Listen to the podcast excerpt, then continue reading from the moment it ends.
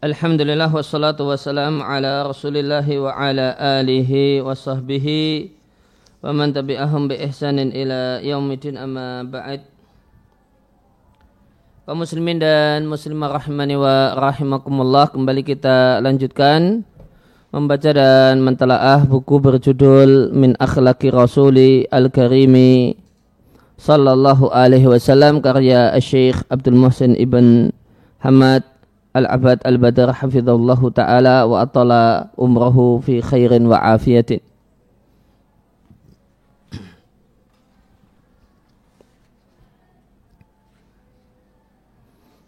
Ya, kita lanjutkan di halaman 45 di antara hal yang menunjukkan menjadi bukti mulianya akhlak Nabi sallallahu alaihi wasallam adalah syahadah persaksian dan pengakuan Abu Sufyan baina yaday Hirqal di hadapan Hirqal Raja Romawi tentang kejujuran Rasulullah Sallallahu Alaihi Wasallam dan beliau adalah seorang yang wafa, seorang yang tidak melanggar perjanjian. Diatkan oleh Al Bukhari dalam sahihnya dari Ibnu Abbas. Bahasanya Abu Sufyan ibn Harab akhbarahu bercerita kepada Ibnu Abbas. Ya di sepanjang ya dialog antara Hirqal Raja Romawi dengan Abu Sufyan. Ya, saya ingin baca hadis ini mengacu pada uh, sarahnya di Fatul Bari.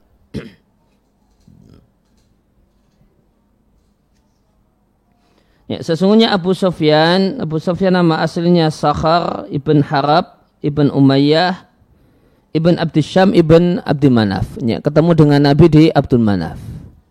Kalau Nabi itu Muhammad bin Abdullah bin Abdul Muttalib ya, ibn Hashim ibn Abdul Manaf. Nah kalau Abu Sufyan ini ya Abu Sufyan Sakhar ibn Harab ibn Umayyah ya, ibn Abdi Syams ibn Abdul Manaf maka ketemu dengan Nabi nasabnya di Abdul Manaf.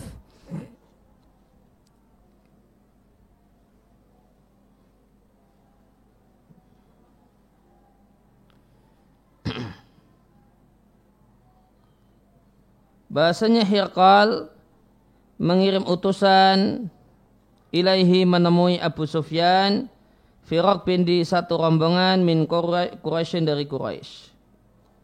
Wakanu dan adalah mereka rombongan Quraisy itu dahabu ila Syam pergi ke Syam. Hirqal adalah raja Romawi dan Hirqal adalah namanya. Adapun gelar raja Romawi itu Kaisar sebagaimana Kisra gelar raja Persia. Firak bin Rakbin adalah jamak dari Rakibin seperti Sahbin jamak dari Sahibin. Dan tidaklah disebut Rakbin kecuali ulul ibili. Ya, mereka ini ya, menaiki onta al asara fama faukoha jumlahnya 10 atau lebih. Ya, ya, rombongan naik onta jumlahnya 10 atau lebih itu rokbun artinya Hirqal mengutus seseorang untuk menemui Abu Sufyan dalam kondisi Abu Sufyan itu fi jumlah rokbi bagian dari rombongan. Nah kenapa kok utusannya menemui Abu Sufyan? Wadaka dan hal itu dikarenakan Abu Sufyan adalah kabirahum. Ini, tokoh dari atau pimpinan dari rombongan tersebut. Oleh karena itu utusannya ini, utusan Hirqal khusus untuk menemui Abu Sufyan. Tepatnya rombongan Abu Sufyan ketika itu jumlahnya 30 orang. Maka adatul raqbi salasina rajulan. Sebagaimana diatkan oleh Al-Hakim di kitabnya Al-Iqlil. Kalau Ibnu Sakan menyampaikan, memberikan penjelasan bahasanya rombongan ketika itu kurang lebih 20 orang.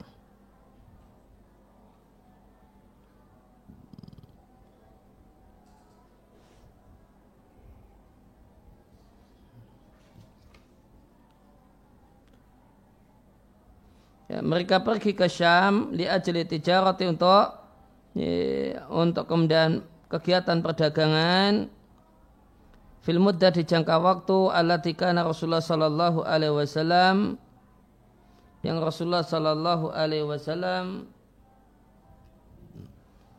madda fiha Aba Sufyana wa kufara Quraisyin.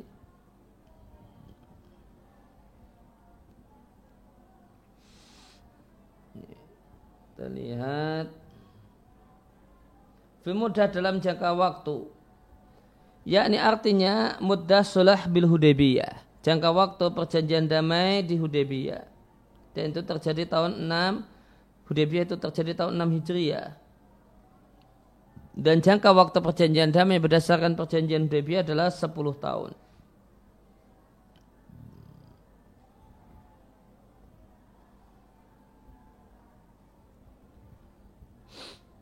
Dan itu pendapat yang paling populer meskipun ada versi yang lain mengatakan bahasanya perjanjian gencatan senjata di yang menjadi klausul salah satu klausul perjanjian Hudaybiyah hanya empat tahun saja.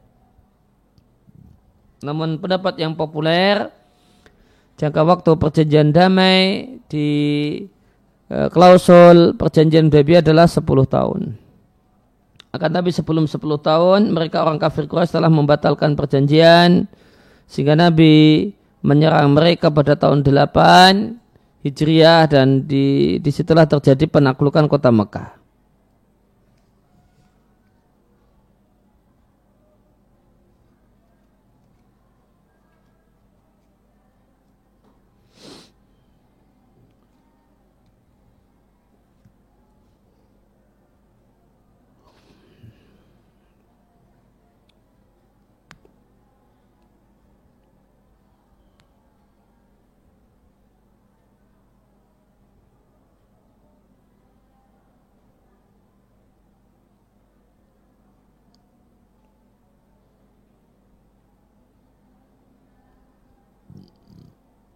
Nah, jadi uh, dalam jangka waktu yang Rasulullah Shallallahu Alaihi Wasallam madda fiha tidak ada penjelasan untuk madda di Fatul Bari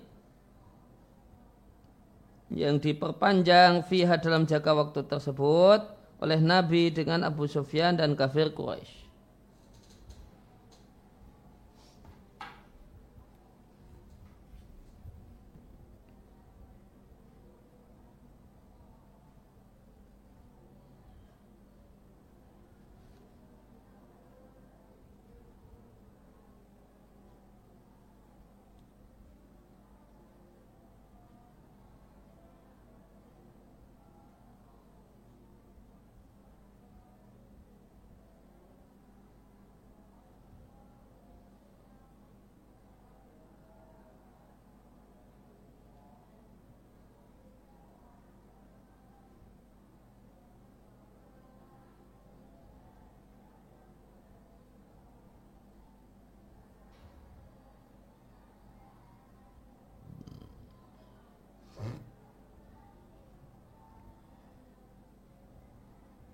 Madda bisa artinya penundaan, perpanjangan.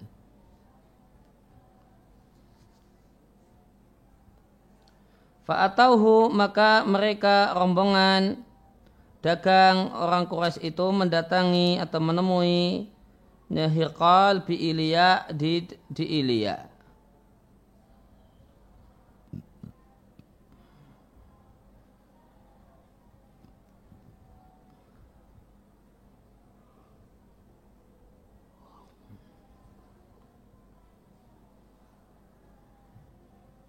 Nah, apa makna Ilya? Kila ada yang menjelaskan Ilya itu makna baitullah, maknanya baitullah.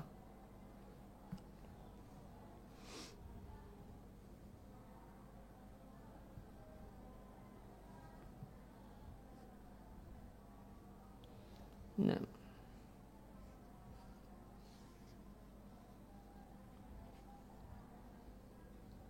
Fada'ahum fi majlisihi maka Hirqal memanggil mereka Abu Sufyan dan kawan-kawan fi majlisihi di majlisnya Hirqal.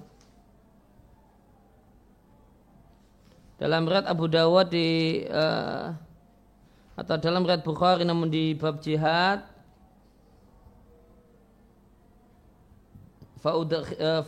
faudkhilnahu faudkhilna alaihi kami dimasukkan untuk menemui Hirqal faida wajalisun fi majlisi mulqihi maka beliau duduk ya, maka dia duduk di singgasananya wa alaihi taj dalam keadaan memakai mahkota Wa dan di sekitarnya udama urum, para pembesar Romawi. Udama jamak dari azim. Hmm. Ini itu para pembesar, di antara pembesarnya ada para pendeta-pendeta dan yang lainnya. Sumada'ahum kemudian Hirqal memanggil Abu Sufyan dan kawan-kawan dan memanggil juru penerjemah.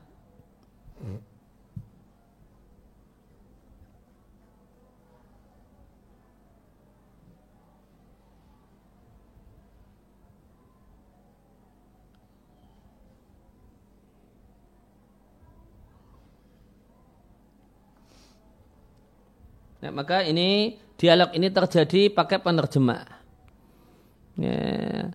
Hirqal pakai bahasa Romawi, diterjemahkan oleh si penerjemah ke bahasa Arab, kemudian dijawab oleh Abu Sufyan dengan bahasa Arab dan diterjemahkan kepada Hirqal dengan bahasa yang dipahami oleh Hirqal.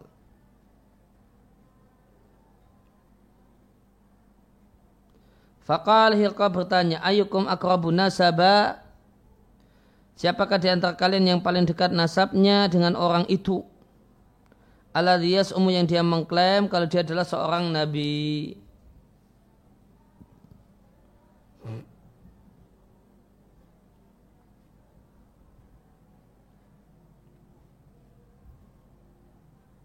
Fakultu maka Abu Sufyan mengatakan anak kerabuhum nasaba. Aku yang paling dekat nasabnya dengan orang itu.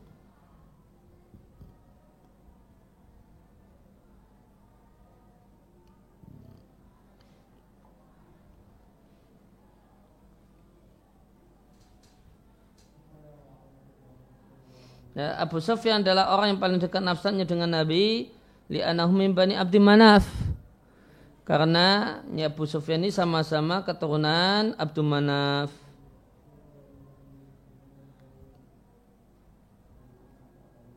Dan pada saat itu dari rombongan itu tidak ada yang dari Bani Abdi Manaf kecuali Abu Sufyan.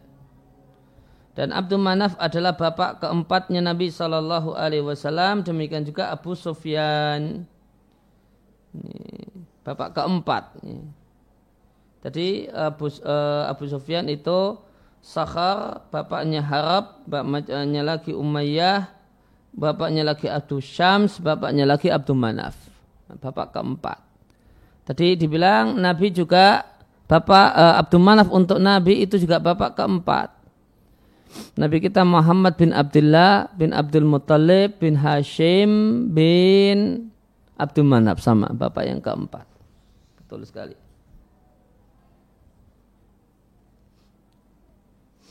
Sehingga uh, Abu Sufyan menyampaikan di versi yang lain bahwasanya sang nabi itu adalah ibnu ammi, anak pamanku. Hmm.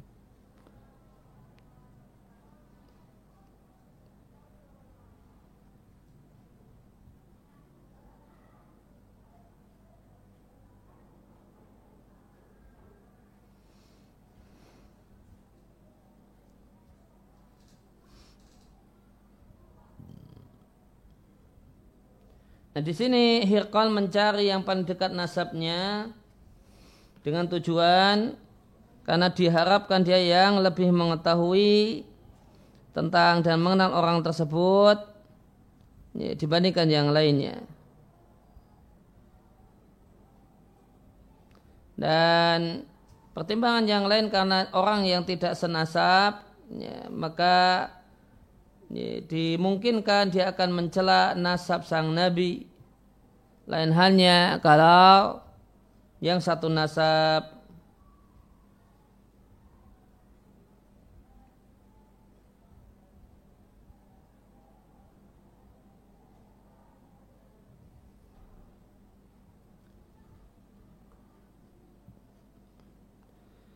ya, eh, Allah yang menganggap Za'ama itu punya dua makna, kadang mengklaim, kadang artinya mengatakan.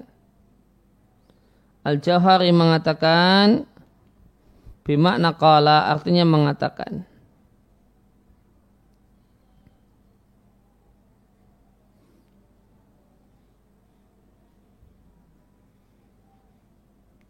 Fakal lantas Hirqal mengatakan adnuhu minni dekatkan orang tersebut itu Abu Sufyan denganku. Wakaribu ashabahu dan dekatkan kawan-kawannya dan jadikan kawan-kawannya di belakangnya Abu Sufyan.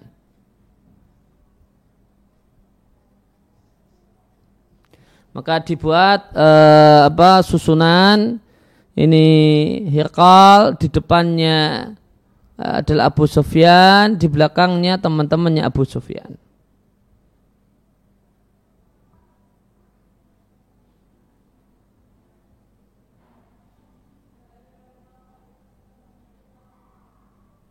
Nah, kenapa uh, kenapa kawan-kawannya Abu Sufyan itu diletakkan di belakang apa tujuan Hirqal dalam masalah ini? Tujuannya adalah supaya mereka ini tidak malu jika mau memberikan komentar kalau Abu Sufyan bohong.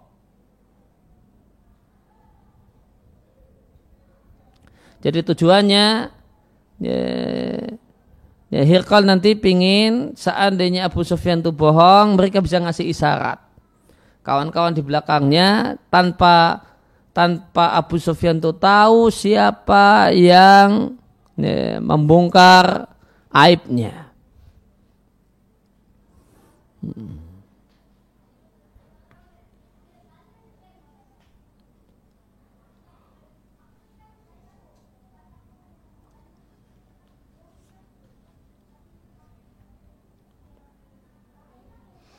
Thumma kemudian Hirka berkata kepada penerjemah kullahum sampaikan pada mereka aku akan bertanya ya, kepada orang ini yaitu Abu Sufyan. Jika dia bohong kepada aku, tolong dustakan dia. Maka Abu Sufyan mengatakan, Fawallahi maka demi Allah. Laulal haya'u seandainya bukan karena rasa malu. Orang-orang akan ya'thuru alayya yaitu yang kulu alayya akan mengutip atas namaku kalau aku pernah bohong niscaya aku akan bohongi Hirqal.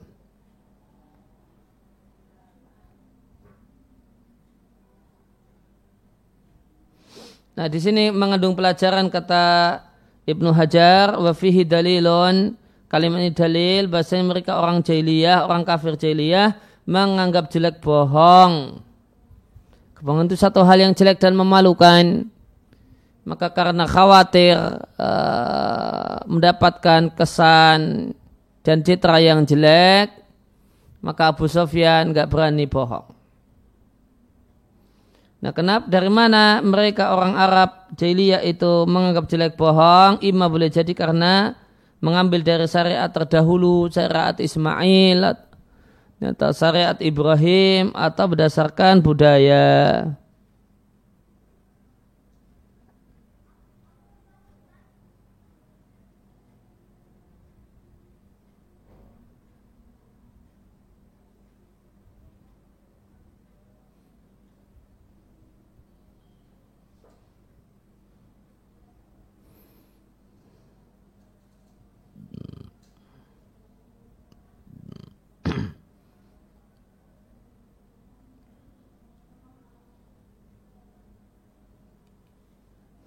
Nah, dan di sini ada diksi yang uh, dianalisis uh, menarik oleh Ibnu Hajar.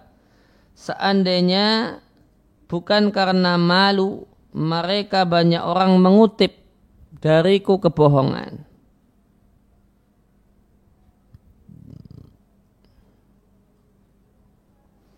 Nah, di sini Ibnu uh, Abu Sufyan tidak mengatakan mereka mendustakanku. Maka kalimat ini menunjukkan bahasanya Abu Sufyan itu yakin kalau teman-temannya tidak akan mendustakan menganggap Abu Sufyan itu bohong di depannya Hirqal.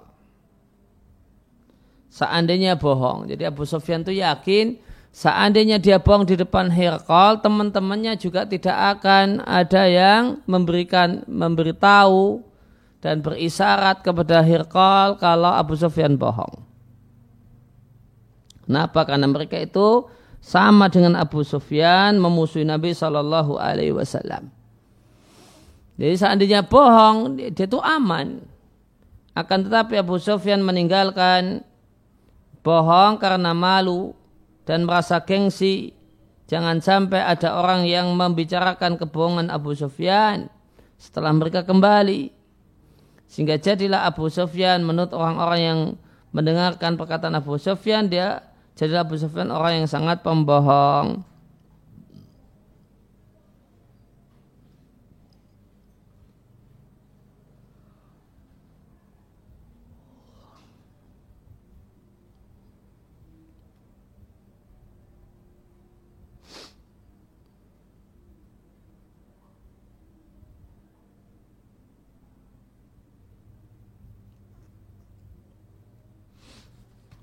itu uh, maknanya Summakana kemudian adalah yang pertama kali ditanyakan oleh Hirqal kepada aku annahu qal. Hirqal mengatakan kaifa nasabuhu fikum? Bagaimanakah status nasabnya di tengah-tengah kalian? Ai kaifa halu nasabihi fikum? Bagaimana kondisi nasabnya di tengah-tengah kalian apakah dia adalah termasuk nasab yang mulia ataukah tidak? Maka Abu Sufyan mengatakan huwa fina nasabin di tengah-tengah kami dia adalah orang yang memiliki nasab yang unggul. Nasabin di sini ada nakirah. Nakirahnya li ta'zim nasab yang mulia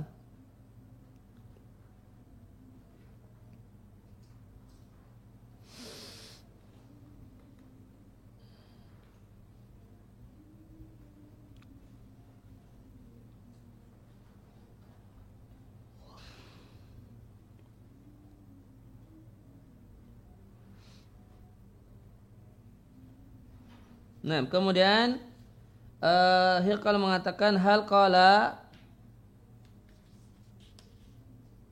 Apakah telah berkata hadal qaula dengan perkataan ini itu menjadi nabi?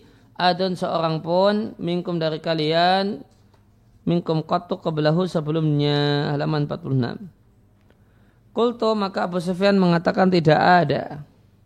Kal Hirqal bertanya apakah ada di antara nenek moyangnya yang dulunya jadi raja Abu Sufyan mengatakanlah tidak ada. Apakah para orang-orang yang mulia yang jadi pengikutnya ataukah orang-orang yang lemah? Abu Sufyan mengatakan bal du'afa'uhum bahkan orang-orang yang lemah di antara mereka. Kalau Hikal bertanya apakah pengikutnya bertambah ataukah berkurang? Kukatakan bahkan tiap hari bertambah. Nah itu dicoba kita lihat sarahnya.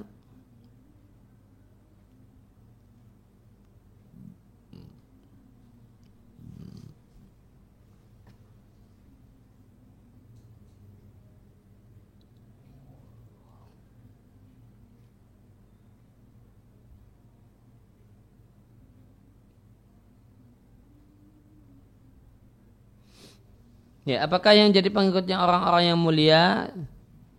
Yang dimaksud dengan orang-orang yang mulia di sini bukan hanya semata-mata orang yang mulia, namun orang yang mulia dan uh, ahlu nakhwah wa takabbur minhu, orang-orang yang sombong dari kalangan orang-orang yang mulia.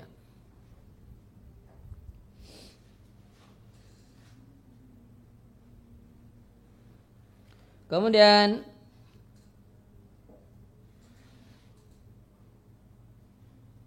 Ada pertanyaan dari Hirqal, fahal yartatu ahadun minhum. Adakah satu dari pengikut Muhammad yang murtad? Karena marah dengan agamanya setelah dia masuk ke dalamnya, kata Abu Sufyan tidak ada. Kal fal kuntum tatahimun apakah kalian menuduhnya bohong sebelum mengatakan apa yang dia katakan yaitu mengaku sebagai nabi Abu Sufyan mengatakan lah tidak. Nah, yang termasuk yang jadi mahalu syahid hal ini.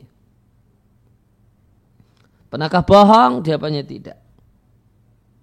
Apakah dia pernah melanggar perjanjian? Maka aku katakan tidak. Namun kami dengan dia dalam jangka waktu yang kami tidak mengetahui apa yang akan dia lakukan dalam jangka waktu tersebut. Apakah dia akan melanggar perjanjian ataukah tidak?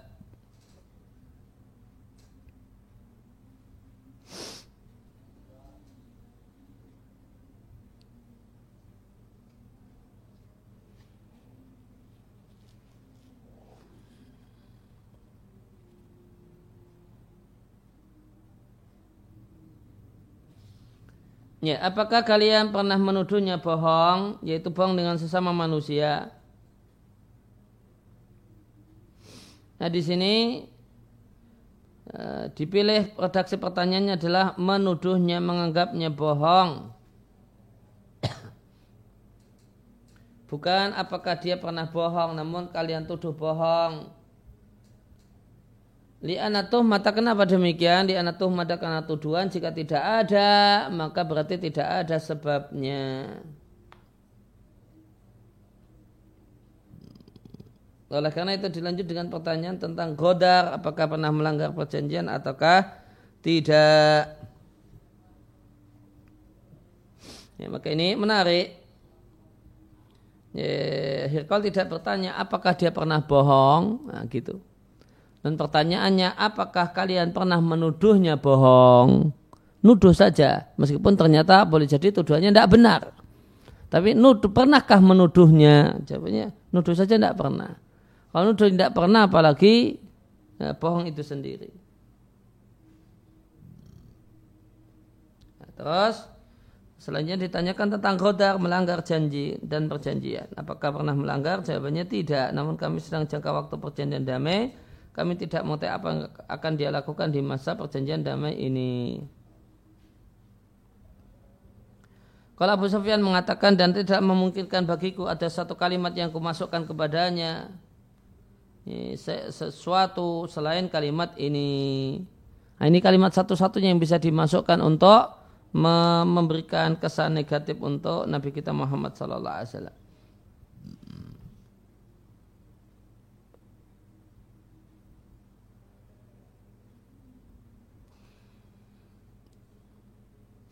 Ya, mungkin ini tidak memungkinkan begitu satu kalimat yang dimasukkan sedikit pun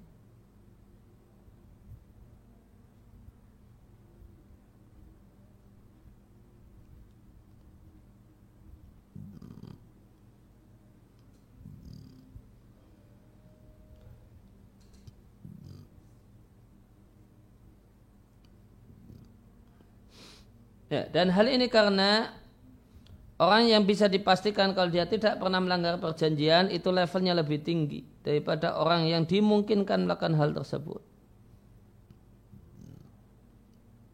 Dan telah ma'ruf telah dikenal oleh mereka Bahasanya di antara kebiasaan Nabi adalah Nabi itu tidak pernah roda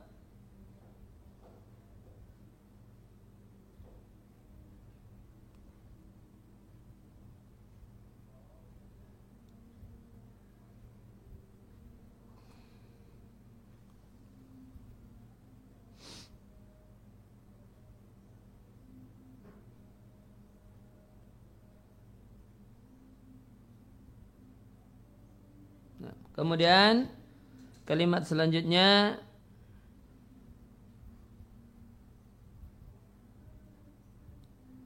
Fahal kotal tumuhu apakah kalian memeranginya? Aku Abu Sufyan mengatakan iya. Bagaimanakah kondisi peperangan kalian dengannya? Kulta Abu Sufyan mengatakan peperangan antara kami dengannya itu sijal, silih berganti. Terkadang dia ya, menyerang kami dan uh, yanalu minna dan terkadang nanalu minhu kamilah yang menyerang menyerangnya atau kemudian memenangkan peperangan dengannya. Sijal uh, huruf pertanyaan di kasrah artinya naubun gantian.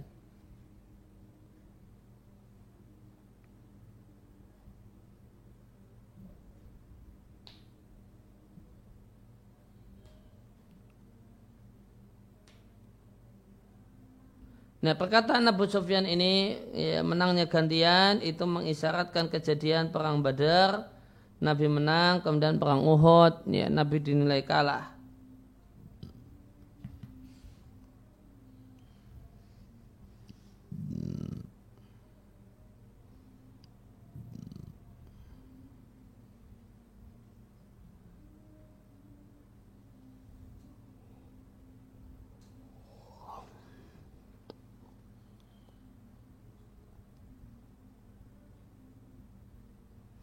Nah, kemudian selanjutnya.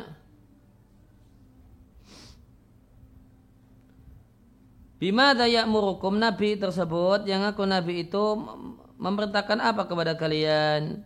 Kultu aku katakan ya kulu yang disampaikan oleh sang Nabi sembahlah Allah semata jangan sekutukan Allah dengan sesuatu apa pun. Tinggalkanlah perkataan dan akidah nenek moyang kalian. Dia memerintahkan kami untuk sholat jujur dan menjaga kehormatan salat berbuat baik kepada kerabat. Ya demikian kita uh, off sebentar barang dua menit.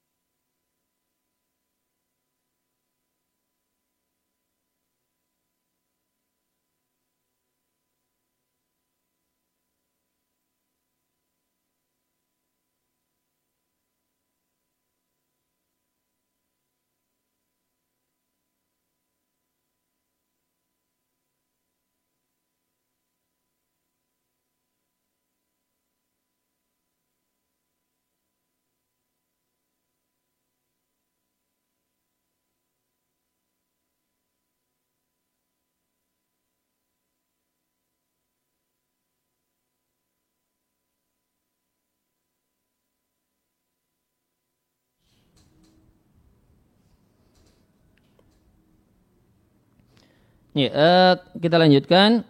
Hirkal bertanya, bima daya murukum. Sang Nabi tersebut memerintahkan apa kepada kalian? Maka pertanyaan ini menunjukkan bahasanya di antara sifat seorang Rasul adalah memerintahkan ini dan itu kepada kaumnya. Yakul, maka Abu Sufyan mengatakan yang dikatakan yang disampaikan oleh Nabi Shallallahu Alaihi Wasallam, eh, Yakulu dia sang Nabi mengatakan, Ubudullah wahdahu.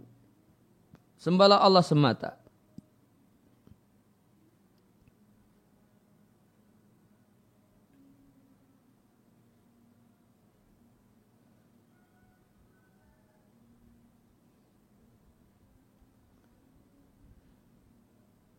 Wala tusyriku bihi syai'a dan jangan sekutukan Allah dengan sesuatu apa pun.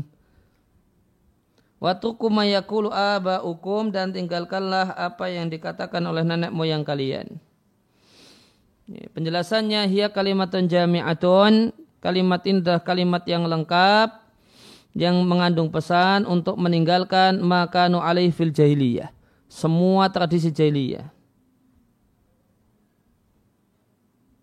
Maka yang dimaksud mayakulu aba hukum adalah tradisi jahiliyah. Nah, kenapa Abu uh, kenapa digunakan diksi tinggalkan apa yang dikatakan oleh nenek moyang kalian? Maka ini mengisyaratkan udur dan alasan dan dalih mereka dalam ini, dalih mereka ketika mereka tidak menerima ajakan sang Nabi. Dalihnya adalah ini nenek moyang. Jadi sehingga utuk kumayakulu aba hukum itu sebenarnya maknanya pesan pokoknya tinggalkanlah semua tradisi jahiliyah. Namun kenapa digunakan diksi nenek moyang kalian untuk mengisyaratkan dalih yang dilontarkan ketika diajak untuk meninggalkan jahiliyah dan menolak maka menolak tersebut alasannya adalah karena Nah, ya, karena ini ya, menyelisih ajaran nenek moyang.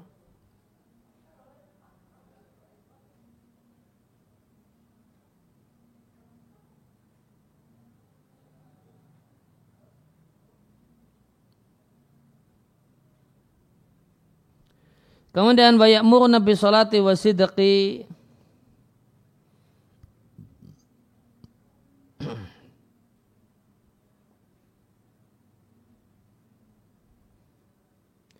uh, maka ada ada versi yang lain yang mengatakan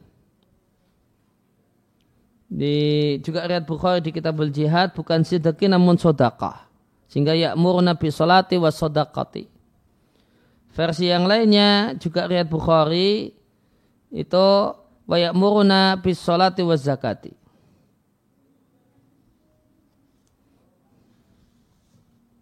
Sehingga sebagian ulama berpandangan bahasanya yang tepat adalah ya, wa bis salati wa sadaqati. Karena bergandengnya dengan salat uh, salat dengan zakat satu hal yang biasa dalam syariat.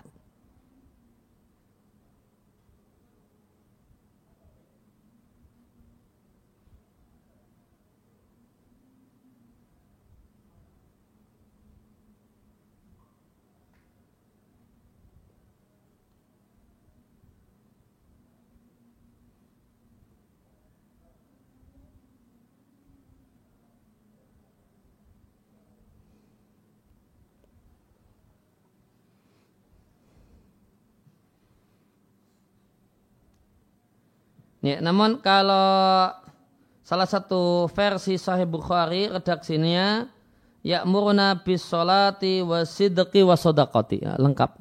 Semuanya disebut. Dan di sini satu hal yang uh, menarik diksi dari uh, dari Abu Sufyan untuk masalah untuk masalah akidah Ya, Abu Sufyan menggunakan kalimat ya, apa itu? Ya, langsung. Ya kulu dia Muhammad mengatakan ubudullah wahdahu wa ya. wala tusyriku bi syai'a wa tukuma yaqulu aba'ukum gitu. Sedangkan untuk uh, untuk hal ini menggunakan kalimat tidak langsung. Menurut Ibnu Hajar di sini terdapat isyarat.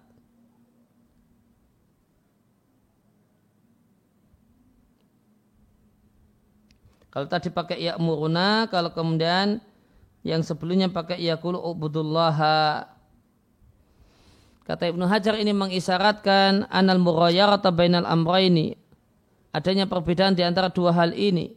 Yaitu dampak dari menyelisih sang Nabi dalam dua hal ini. Kalau menyelisih sang Nabi di hal yang pertama, itu berdampak kekafiran. Sedangkan uh, kalau untuk uh, yang kedua dampaknya adalah melakukan kemaksiatan. Nah ini menurut Ibnu Hajar demikian. Meskipun nanti wayak muru nabi solati nanti ini akan problematis untuk wayak muru nabi solati menimbang sebagian ulama yang menilai bahasa yang meninggalkan sholat adalah juga kekafiran membatalkan iman.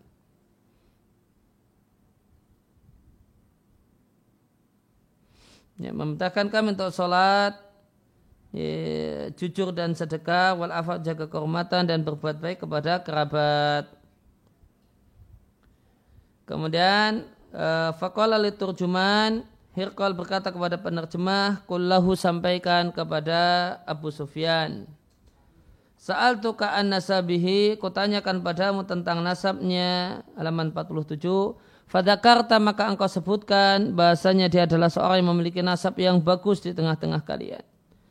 Fakadalika maka demikian juga para rasul mereka diutus fi nasabi kaumiha diutus diambil dari orang yang punya nasab yang bagus di tengah-tengah kaumnya. Kutanyakan pada kalian apakah ada seseorang di antara kalian mengatakan perkataan semacam ini sebelumnya yaitu mengaku jadi nabi. Fadakarta maka engkau sebutkan Allah tidak kultu maka aku katakan seandainya ada seseorang yang mengatakan perkataan yang sama sebelumnya yaitu jadi nabi lakultu maka saya bisa ku komentari orang ini adalah orang yang ya ya ta'asa meneladani atau bikaulin qila qablahu. Meneladani perkataan yang telah dikatakan sebelumnya. Cuma ikut-ikutan dengan orang sebelumnya. Kutanyakan kepadamu apakah di tengah-tengah nenek moyangnya ada yang jadi raja? Engkau sebutkan anla tidak ada. Maka aku komentari maka seandainya di antara nenek moyangnya ada yang jadi raja, lakul toni saya akan aku komentar, aku akan komentar dia adalah seorang yang menuntut dan mencari kerajaan ayahnya. Dan kutanyakan pada kalian apakah kalian pernah menuduhnya berdusta sebelum mengatakan perkataannya ini yaitu mengaku sebagai nabi engkau sebutkan tidak maka kukatakan lam yakun liyadharul kadhiba 'ala nasi wa yakdzib 'ala Allah. Tidak mungkin dia tinggalkan bohong sama orang setelah itu berani bohong atas nama Allah. Kemudian kutanyakan kepada kalian apakah manusia-manusia yang mulia mengikutinya ataukah manusia-manusia yang lemah? Engkau sebutkan bahasanya orang-orang yang lemah lah yang mengikutinya. Kata Hirqal wahum adba'u rusuli inilah pengikut para rasul. Dan kutanyakan pada kalian kepadamu apakah pengikutnya bertambah ataukah berkurang maka engkau sebutkan bahasanya mereka itu bertambah. Wakadhalika demikianlah perkara iman hatta yatimah sampai sempurna. Kutanyakan kepadamu apakah ada satupun orang yang murtad karena marah dengan agamanya setelah dia masuk ke dalam Islam. Engkau sebutkan tidak ada maka demikianlah iman jika telah masuk atau bercampur dengan relung hati.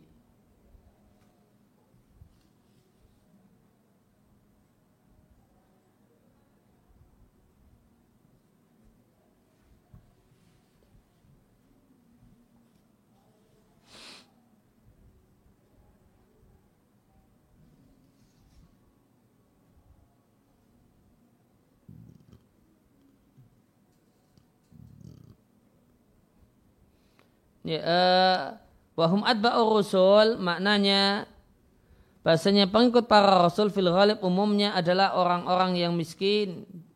Orang-orang yang sehingga orang-orang yang ya, miskin sehingga dia cenderung tawaduk bukan orang-orang yang sombong yang ngotot dengan ya, tidak sepakat karena hasad atau karena zalim. Semacam Abu Jahal dan orang-orang yang mengikutinya sampai Allah membinasakan mereka Kemudian tadi wakadalikal iman demikalah perkara iman.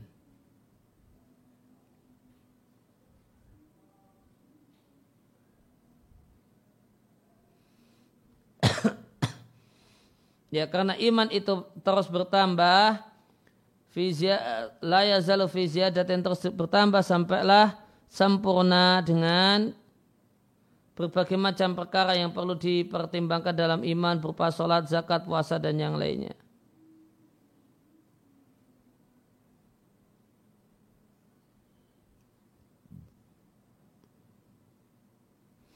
Dan demikianlah para pengikut sang Nabi, dia terus menerus bertambah sampai sempurna jumlah mereka apa yang Allah inginkan untuk memenangkan agamanya dan menyempurnakan nikmatnya. Ya, demikianlah iman ketika telah bercampur dengan basyasyatal qalbi.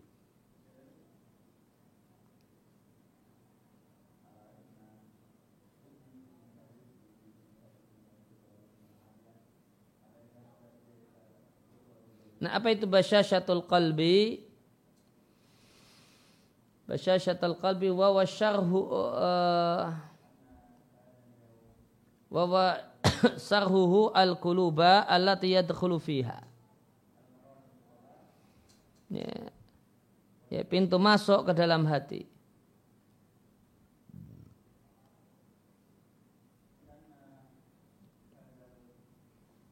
Nah, kemudian Eh, kita lanjutkan di buku kembali ke buku wasal tuka dan aku bertanya kepadamu halaman 48 hal yang duru apakah dia melakukan rodar melanggar perjanjian? Kau sebutkan tidak pernah. Demikianlah para rasul.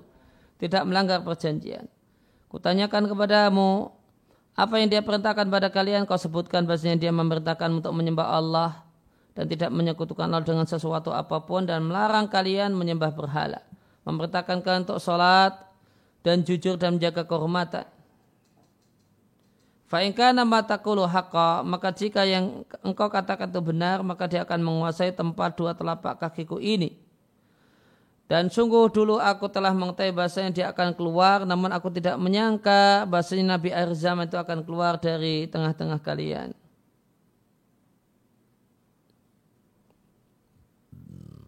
Ya, kita lihat dulu penjelasannya di Fathul Bari. Demikianlah para rasul tidak ada yang melanggar perjanjian karena mereka tidak mencari ya, keuntungan duniawi. Dan, dan orang yang mencari keuntungan duniawi tidak peduli melanggar perjanjian dan yang lainnya. Lain halnya dengan orang yang mencari akhirat.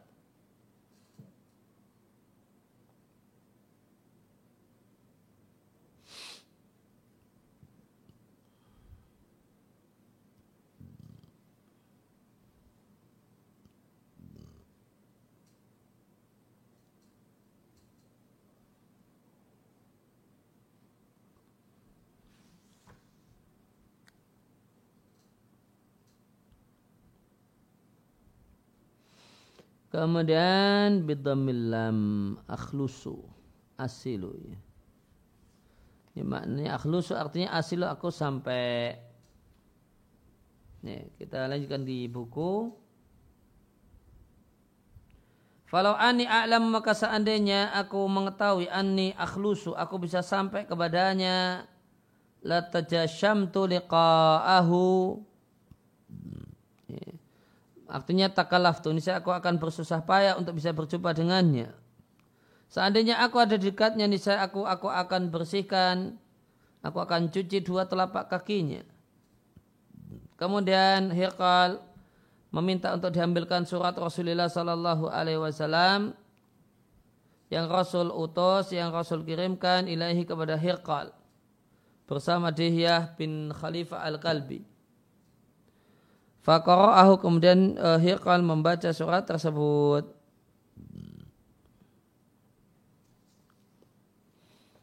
Ya, tadi akhlusu itu lamnya di domah artinya asilu aku sampai lataja syamtu artinya takallaftu.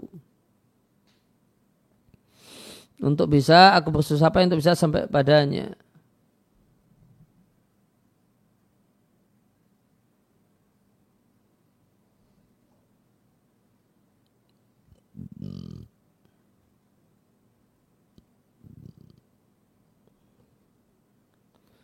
Ya, kalimat ini menunjukkan aku akan bersusah payah menunjukkan bahasanya Hirkal itu telah tahu secara yakin dia tidak akan selamat dari pembunuhan jika nekat hijrah menemui sang Nabi Shallallahu Alaihi Wasallam sehingga dia harus bersusah payah.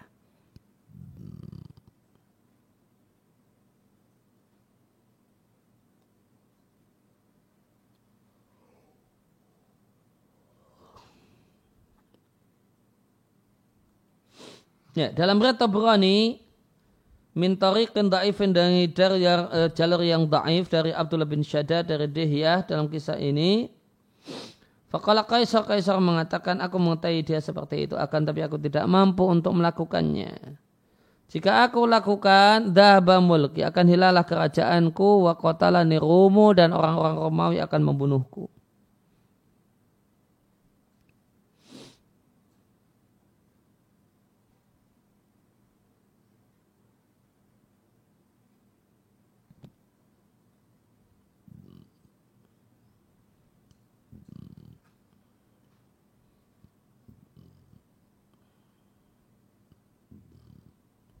Ya, la tu an qadamaihi aku akan bersihkan dua telapak kakinya. Ini adalah bentuk hiperbol dalam memberikan pelayanan.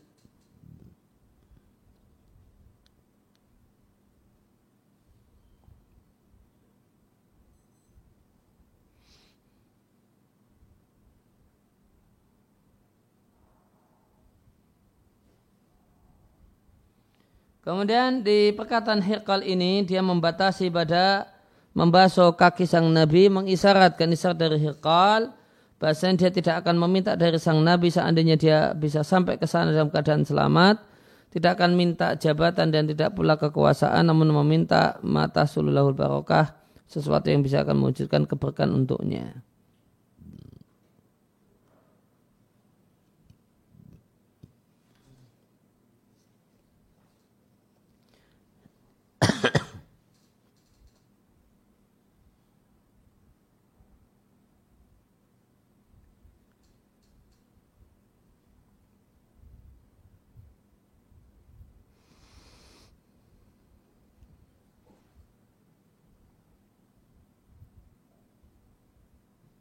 Ya, kemudian fasayamliku dia tadi ada kalimat dia akan menguasai tempat dari dua, dua telapak kakiku ini yaitu Baitul Maqdis.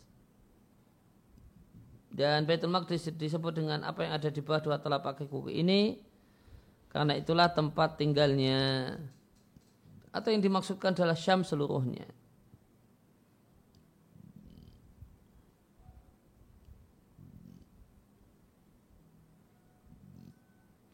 Dan di antara hal yang menguatkan bahasanya Hirkal itu lebih mengutamakan kerajaannya daripada iman. Sehingga dia tetap ngotot dalam kesesatannya adalah tindakan Hirkal memerangi kaum muslimin di perang Mu'tah. Perang Mu'tah di sana gugur ya, Ja'far bin Abi Talib dan yang lainnya. Itu Raja Romawi masih Hirkal. Ya, perang Mu'tah terjadi tahun 8 Hijriyah. Artinya ya dan itu artinya dua tahun setelah kisah ini.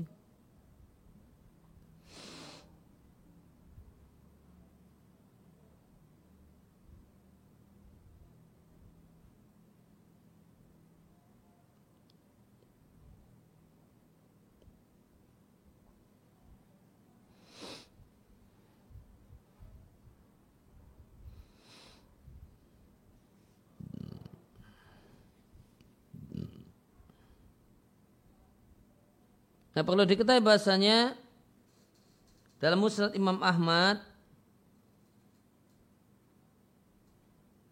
Anak kata peminta Tabuk ila Nabi Sallallahu Alaihi Wasallam. Bahasanya Hirqal berkirim surat dari Tabuk untuk Nabi Sallallahu Alaihi Wasallam. Isi suratnya ini muslimun. Kata Hirqal saya muslim.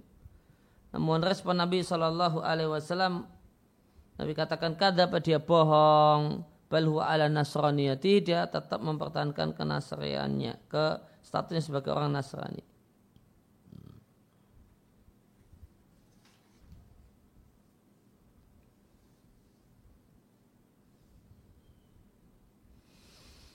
Ya, kemudian Hirqal da'a mem, mem, uh, memanggil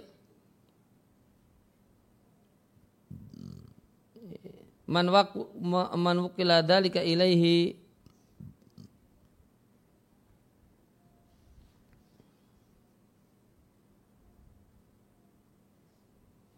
ya, memanggil da'a bi kita bi rasulillahi artinya meminta seseorang yang ditugasi untuk uh, menyimpan surat dari Rasulullah sallallahu alaihi wasallam. Yang surat tersebut dikirimkan oleh Dihya bin Khalifah Al-Qalbi.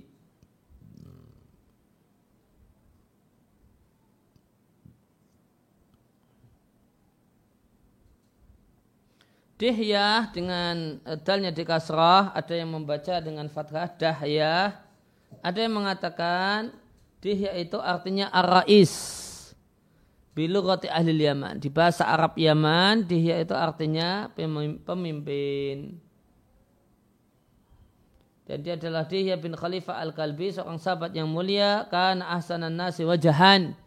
Dia termasuk orang yang paling ganteng dan masuk Islam sejak lama.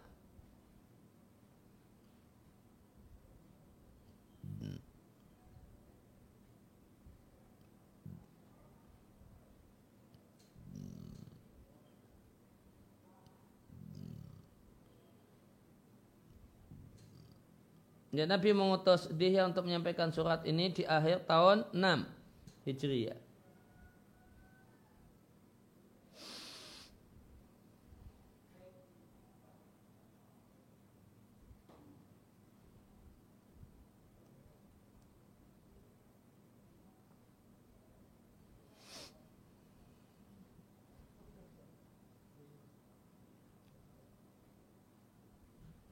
Nah, ya kemudian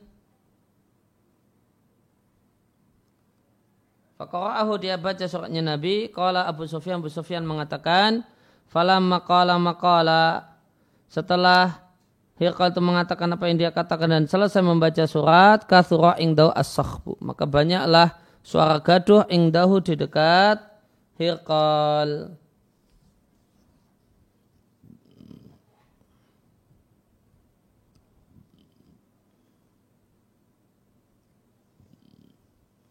As-sakhbu maknanya adalah ikhtilatul aswad fil mukhosamah.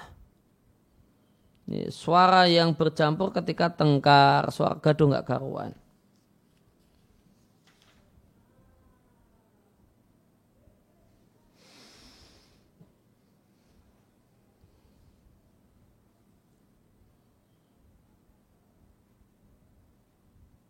Wartafat al aswad dan banyak suara yang meninggi. Fa'ukhrijna maka kami lantas diminta untuk keluar. Fakul tuli ashabi maka aku berkata kepada kawan-kawanku ketika kami diminta untuk keluar. Lakat amara amru ibn abi kabsyah. Ini bacanya bifatil hamzah wa kasril mim. Amira, lakat amira. Artinya azuma telah besar dan gawat.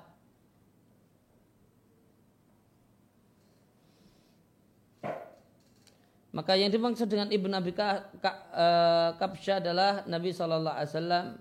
Karena Abu Kabsha adalah salah satu kakek Nabi. Dan adalah kebiasaan orang Arab. Jika anda mau melecehkan dia maka anda nasabkan pada salah satu kakeknya yang tidak banyak dikenal.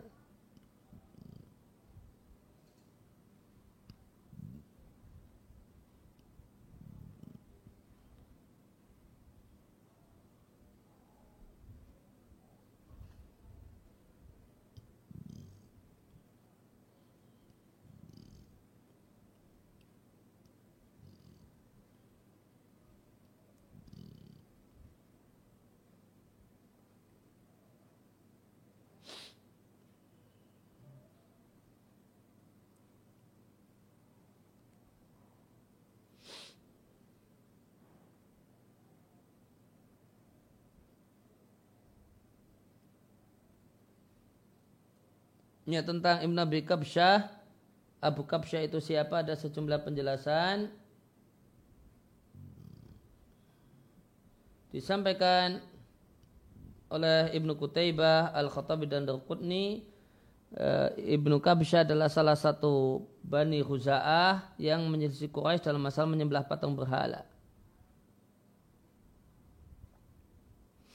Menyembah patung berhala, sedangkan dia sendiri memilih menyembang menyembah uh, benda langit, bintang. Maka Nabi itu dinasabkan kepada orang ini karena kesamaan dalam yaitu sama-sama menyelisih masyarakatnya. Ya, maka telah gawatlah perkara Ibnu Abi Kabsyah. Inna la yakhafu mulka bani asfar atau maliku bani asfar. Sungguh telah takut kepadanya raja bani asfar yaitu raja Romawi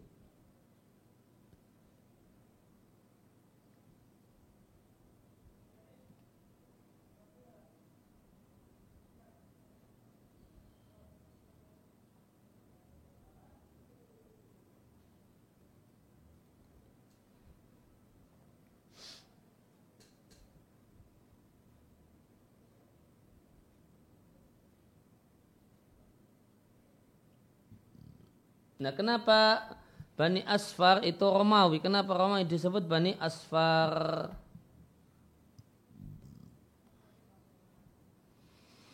Ibnu Hisham di Atijan mengatakan Romawi diberi gelar Bani Asfar karena neneknya, nenek mereka Sarah, istrinya Ibrahim, halathu bidahabi.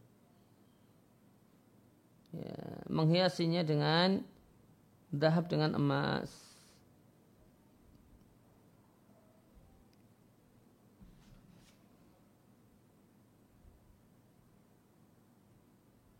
Fama ziltu mukinan maka aku terus menerus yakin bahasanya dia akan menang sampai Allah masukkan padaku Allah memasukkan alaiya pada diriku kecintaan kepada Islam.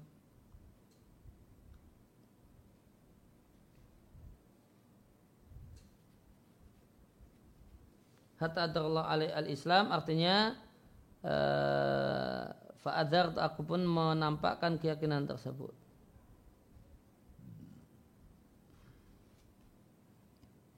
Itu uh, di ini makna global dari hadis kisah hadis ini di Fathul Bari.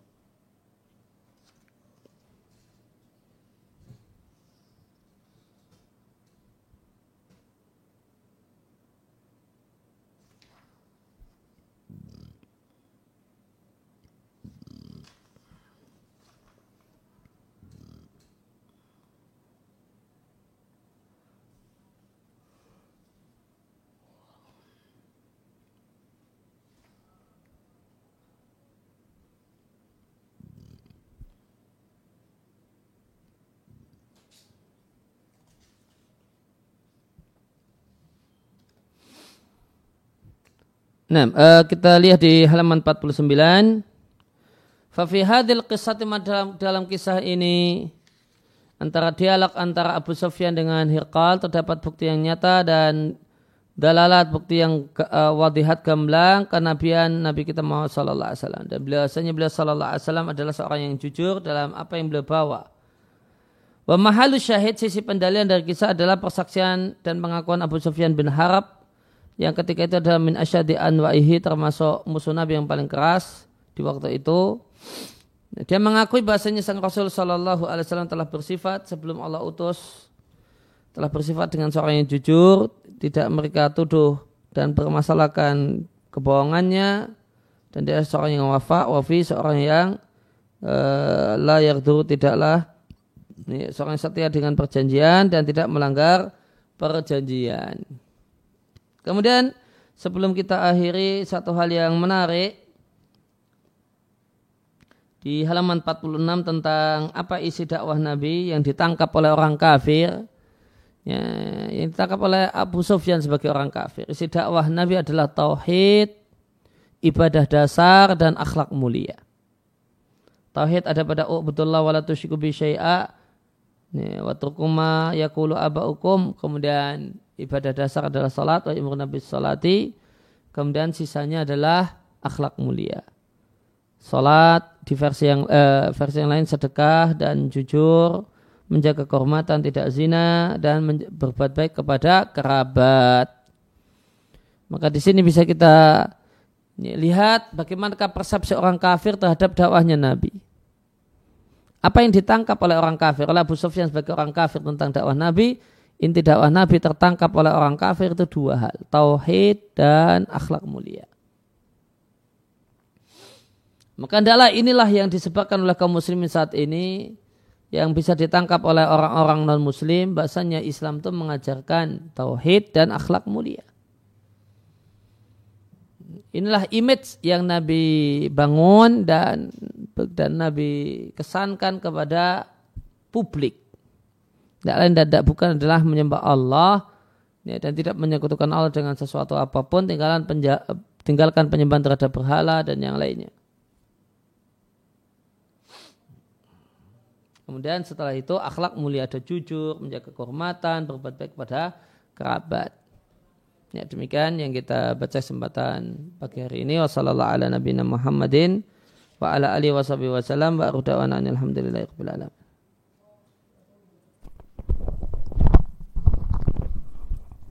Bismillah ada tiga pertanyaan di akun YouTube. Iya. Yeah. Hmm, pertanyaan pertanyaan pertama hmm, Uh, apakah para habib keturunan Nabi tidak boleh mendapatkan bagian dari zakat fitri? Uh, mereka tidak boleh makan zakat, baik zakat mal ataupun zakatul fitri. Nah, nah selanjutnya apa maksud manusia diciptakan dengan tulang ekor yang tidak akan bisa hancur? Maksudnya ketika seorang itu meninggal dunia dimakamkan di kubur maka Nabi sampaikan tulang ekornya tidak akan hancur. Yang nanti dari situ akan disusunlah kembali rangka raga manusia ketika bangkit dari kubur. Ketika hendak bangkit dari kubur. Nah. Pertanyaan terakhir. Eh, Assalamualaikum Ustaz. Waalaikum. Um, izin bertanya di man di manakah penanaman Nasrani dan Yahudi? Apakah penanaman itu ada ketika Al-Quran turun atau sebelum itu? Gimana? Ulangi mas. Penamaan? Oh, penama penamaan. Penamaan apa? Penamaan Nasrani dan Yahudi. Ya, ya penamaan Yahudi dan Nasrani sudah ada se sebelum Al-Quran turun. Sudah. Selanjutnya. Apakah Bismillah, apakah ada tuntunannya jika mengirimkan bacaan Al-Fatihah untuk seorang ustadz? Ya, kirim pahala baca surat Al-Fatihah kepada orang yang sudah meninggal dunia atau orang yang sudah hidup diperselisihkan ulama. Ini sampai dan manfaat menurut Imam Ahmad dan tidak sampai dan tidak manfaat menurut Al-Imam. Ya, maka ini masalah khilafiyah ijtihadiyah. Siapa yang memilih pendapat apa pun dari dua pendapat ini tidaklah dicela. Namun yang dicela manakala orang itu mengambil salah satu dari dua pendapat ini kemudian ini jadikan sebagai tolak ukur kawan dan lawan. Kemudian dibangunlah permusuhan karenanya dan kebencian karenanya. Nah, ada lagi Ustaz uh,